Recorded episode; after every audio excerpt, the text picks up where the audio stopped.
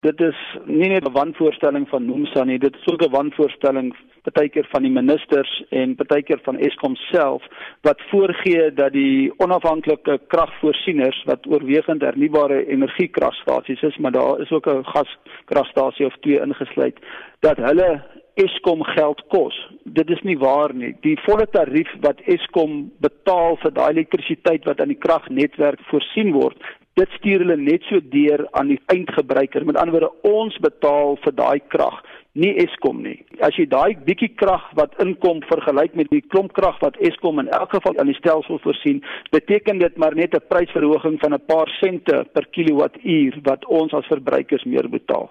Maar Eskom self verloor nie 1 sent as gevolg van die hernubare energie kragstasies wat op die netwerk is nie. So daar's geen rede om dit te beweer nie.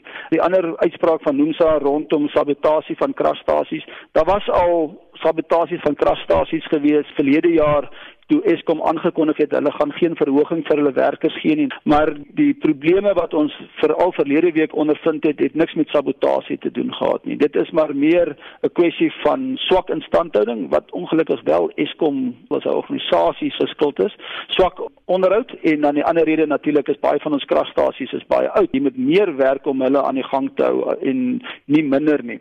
Wel ek weet spesifiek verlede week se beurtkrag was hoofsaaklik van een groot vervoerband my Medupi wat onklaar geraak het as gevolg van instandhouding wat nie gedoen is nie en dan ook dat daar 'n klomp stoompype en 'n klomp stoomketels by verskeie kragstasies lekke in het en van hulle moes afgesit word om reggemaak te word. En dis hoekom ons beurtkrag het. En daar's geen manier dat jy noodwendig 'n stoompyp en 'n stoomketel wat teen etlike honderde grade Celsius brand dat jy daar kan ingaan en daai pyp gaan beskadig nie. Dis nie kan nie sabotasie wees nie. Professor van Niekerk wys daarop dat Eskom die krag wat hy aankoop van die onafhanklike kragverskaffers op sy finansiële state aandui as 'n primêre energiekoste wat nie die geval is nie.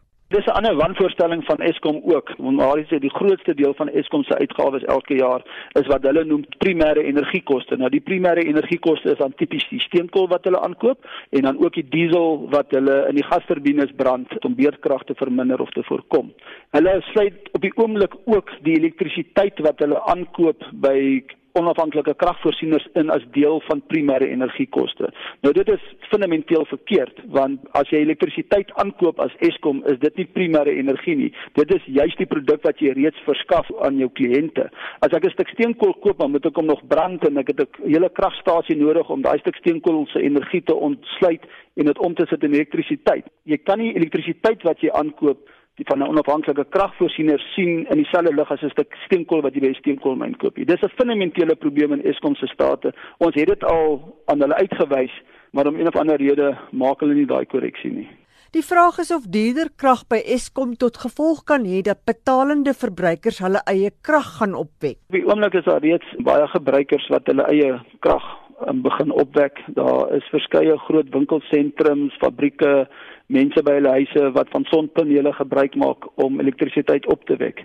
As jy gaan kyk na die finale koste, kom ons sê sent per kilowattuur van daai krag, dan is dit klaar heelwat minder as wat jy daai krag direk by jou plaaslike munisipaliteit en in sekere gevalle ook by Eskom sou aankoop. Hoe duurder die krag raak, hoe meer mense sal hulle self probeer ontkoppel van die netwerk. Dit is ook nou moontlik met die batterykostes wat so afgekom het om krag in die dag op te wek met jou sonpanele en daai krag te stoor in batterye en dan daai krag in die aand te gebruik. So hoe duurder die krag word, hoe groter gaan daar 'n aansporing wees vir beide privaat gebruikers en ook vir groot gebruikers om eerder hulle eie krag op te wek. Die probleem wat ons tans het is dat beide die nasionale reguleerder NERSA en die munisipaliteite werk eintlik positief teen hierdie verskynsel. In die munisipaliteite se geval is die rede daarvoor dat hulle maak 'n klomp wins op die krag wat hulle by Eskom koop en dan teen dubbel die prys aan ons verkoop en as hulle nou minder krag gaan verkoop dan gaan hulle minder wins maak en dit is nie vir hulle aantreklik nie. So hulle probeer tariewe in plek sit wat dit baie onaantreklik vir jou maak om sonpanele op jou huis of op jou winkelsentrum se dak neer te sit. Hoekom Nersa dit moeilik maak want hulle kyk veral na groter stelsels van tussen 1 en 10 megawatt. Dit verstaan ons regtig nie want daar is al sekere besluite gewees van die minister wat Nersa moet uitvoer wat hulle om een of ander rede net nie uitvoer nie. So ons verstaan nie heeltemal wat Nersa se dryf is nie, maar mense verstaan dat die munisipaliteite besig is om hulle inkomste te beskerm en daarom wil hulle dit nie doen nie.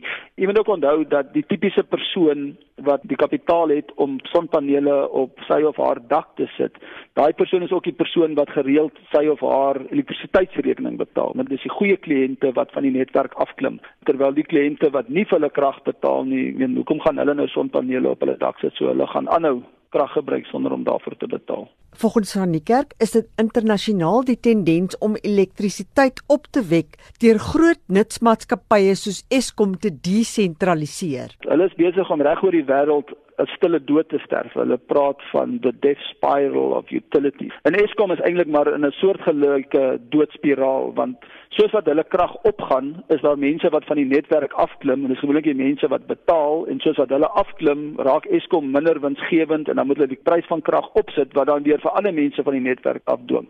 In Eskom spesifiek se geval het ons as gevolg van twee dekades se wanbestuur, swak besluite en feit dat onderhoud nie gedoen is nie en twee van die grootste kragstasies in die wêreld gebou is wat fundamentele tegniese probleme het. Hulle het nog dit ook daarbey. So die toekoms vir Eskom is eintlik of ongelukkig baie donker vorentoe, maar ek dink in dieselfde asem moet mens ook erken dat Eskom kan nie ondergaan nie want as Eskom ondergaan gaan hele Suid-Afrika onder. So ons moet Eskom regmaak. Daar's nie 'n manier om dit nie en die regering moet eenvoudig nou net die regte besluite begin neem, die regte mense in plek sit en die mense wat hulle dan in plek sit ondersteun om die regte besluite te maak binne Eskom om die organisasie te red. Want sonder Eskom is daar nie 'n Suid-Afrika nie en daarom moet ons die plek regkry.